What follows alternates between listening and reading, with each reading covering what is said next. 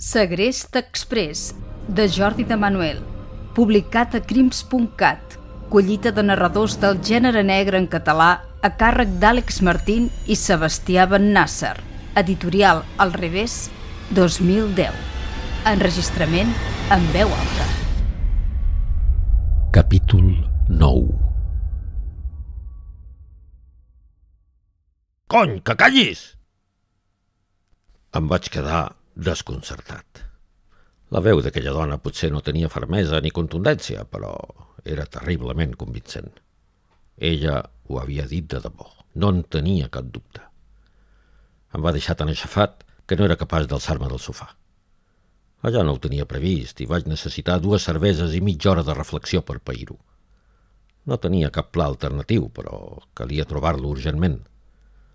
Vaig buscar la complicitat del meu hostatge.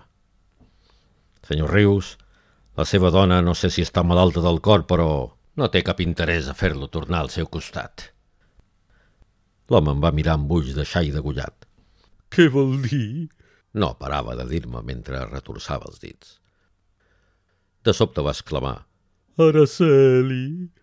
Vaig deduir que devia ser el nom de la dona i tot seguit va començar a cridar. Araceli! Araceli! Vaig haver de donar-li un clatellot perquè callés i li vaig segejar la boca amb esparadrap. No volia ser violent jo, però no vaig tenir altre remei. Quan va calmar-se, vaig treure-li l'esparadrap d'una estrabada. Ho haurem de solucionar vostè i jo, això. Vostè pagarà el seu propi rescat. Li vaig dir agafant-lo per la pitrera i sacsejant-lo perquè sortís d'aquell estat d'incomprensió. Aix això és impossible. No puc treure ni un cèntim sense la firma d'ella. L'Araceli, o com es digués, ens tenia tots dos ben agafats pels ous. Continuarà.